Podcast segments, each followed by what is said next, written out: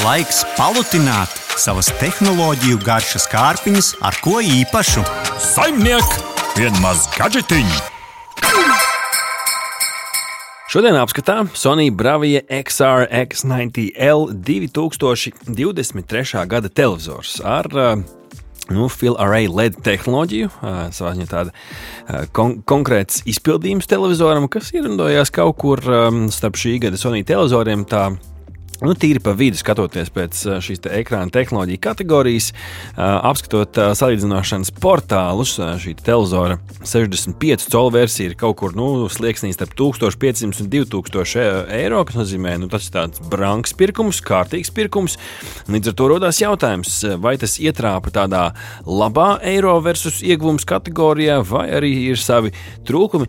Noskaidrosim to visu šodienas apskatā, televizoru neatkarīgam un neatmaksātām apskatām. Mums sagādāja sagādāja Sony pārstāvniecība Latvijā. Un gribās sākt ar nu, tādu pirmo lietu, ar ko vispār cilvēki sāk saņemot televizoru, kas ir uzstādīšana. Nu, es teikšu, ka nu, manā gadījumā uzstādīšana bija diezgan neģēcīgs pasākums. Televizors ir tik liels, ka nu, attēlā pilnīgi rādīts, ka nepieciešami trīs cilvēki, lai to uzstādītu. Pat ar diviem vairs nepietiek. Ir nepieciešami trīs cilvēki. Nu, un, mans piedzīvojums sākās ar papīra instrukciju, kur nu, pat nevarēja saprast, kā tās kājas uzstādīt uz sāniem. Tā kā brīvi gāzt kā nevar.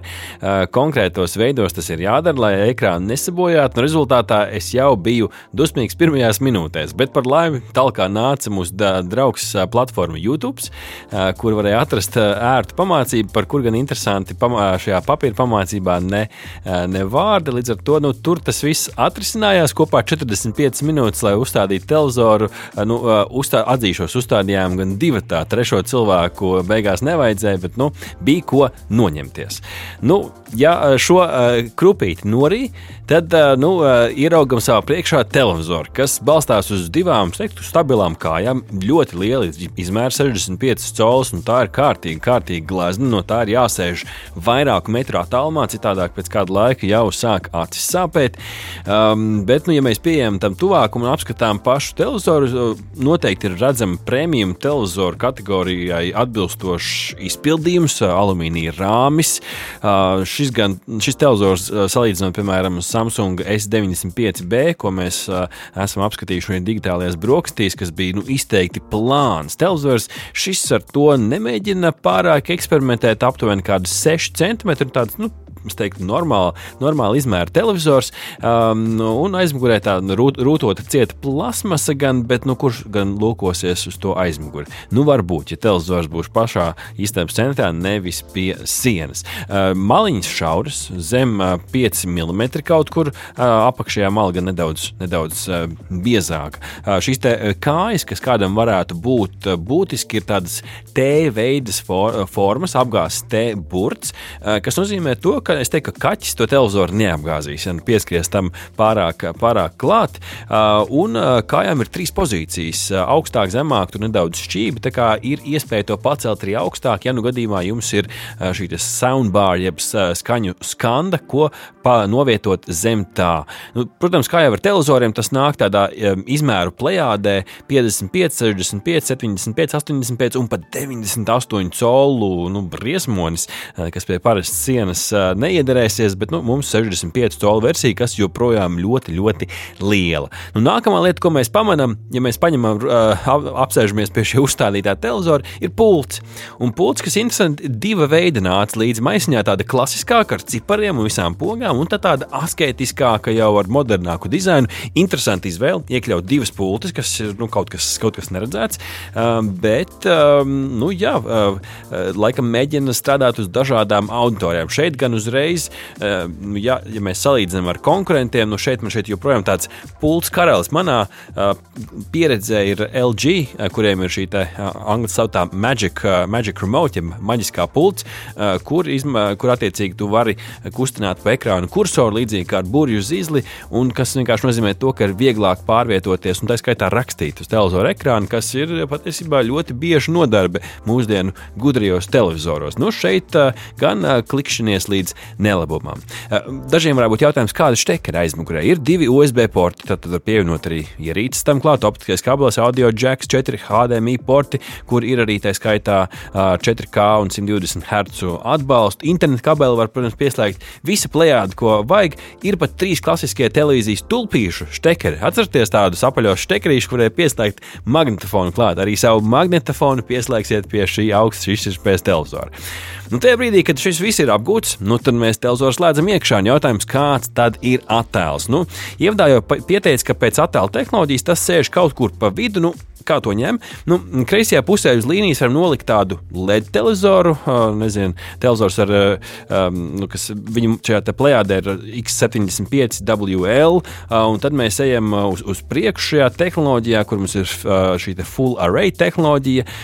Nu, tad jau pa labi mēs varam nolikt tādu mini LED televizoru, nu, kur visas šīs diodes ir pavisam niecīgas. Nu, tad kaut kur pa vidu kvalitīva tehnoloģija, bet ir, gan, ir gan sliktāk, ir gan, gan labāk cilvēki. Um, nu, lūk, um, Un uh, Full Array uh, LED vienkāršiem vārdiem nozīmē to, ka ar LED uh, šķidro kristālu matricu saņem, saņem gaismu, un attiecīgi šis attēls tiek parādās mūsu priekšā. Nu, ja mēs vēl vienkāršāk to mēģinām izskaidrot, tad nu, labs, labs piemērs ir, kad mums uz tumša ekrāna parādās kāds gaišs objekts, un tajā brīdī šajā, šim televizoram pārējie pikseļi apkārt neieslēdzās, līdz ar to ir tāds no nu, angliskais termins local dimming, jeb konkrētās zona tiek izgaismota un nav mums ne tur vertikāls, ne horizontāls baltas līnijas. Tātad nu, attēls parādās tāds, kā tam tiešām tam ir jābūt.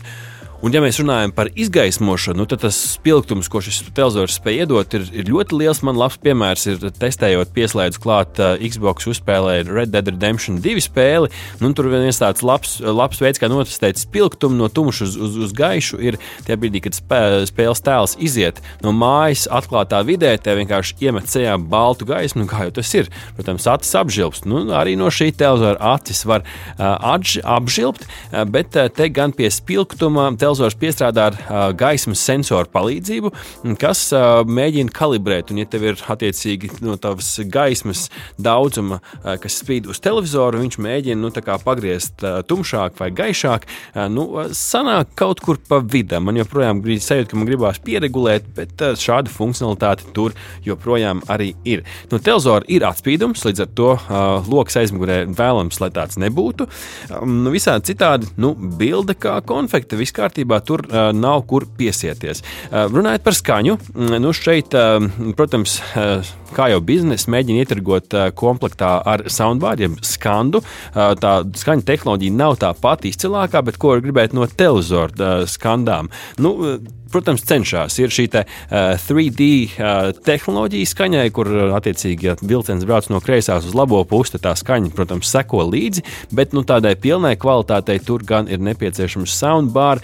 Uh, nu, šeit jau ir jāskatās, vai tajā pašā Sony ģimenē vai mēģina pieslēgt kādu, uh, kādu citu klāt. Nu, kas vēl ir interesanti par televizoru, kas vēl jāpiemina noslēgumā, tam ir Google operētāja sistēma ar visiem saviem muntumiem, bet tam nāk līdzi Google Assistant, kas ir labi, Google TV lietotņu biblioteka Tas nozīmē, ka visas tur ir. Uh, nu, piemēram, Latvijas rādio lietotni tur atrast nevarēja, lai gan uh, Android lietotni tas, ir, uh, tas jau ir cits stāsts. Nu, tad kopumā tā lietojamība jau tajā operētāja sistēmai ir ērta. Nu, kā jau Google operētāja sistēmai, tu vari novilkt augšējā labajā stūrī, tev ir kontrols centrs ar visām izvēlēm, nu, un tad aiziet pat līdz tādiem sīkumiem, ka ir spēļu režīms uh, speciāli priekš spēlētājiem, kas pat uzliek tev centrā uh, at, attiecīgi mērķi. Ja tev spēlē nav šis mērķis, kur šaut, viņi uzliek pat tādu autentisku mērķi arī tev, lai vieglāk notēmēt, ir nu, tādas mazas nianses tur ir atrodamas. Nu, tad, ja mēs paskatāmies uz um, cenu un uh, konkurentiem, nu, ņemot vērā visu iepriekš teikto, vai cena ir adekvāta.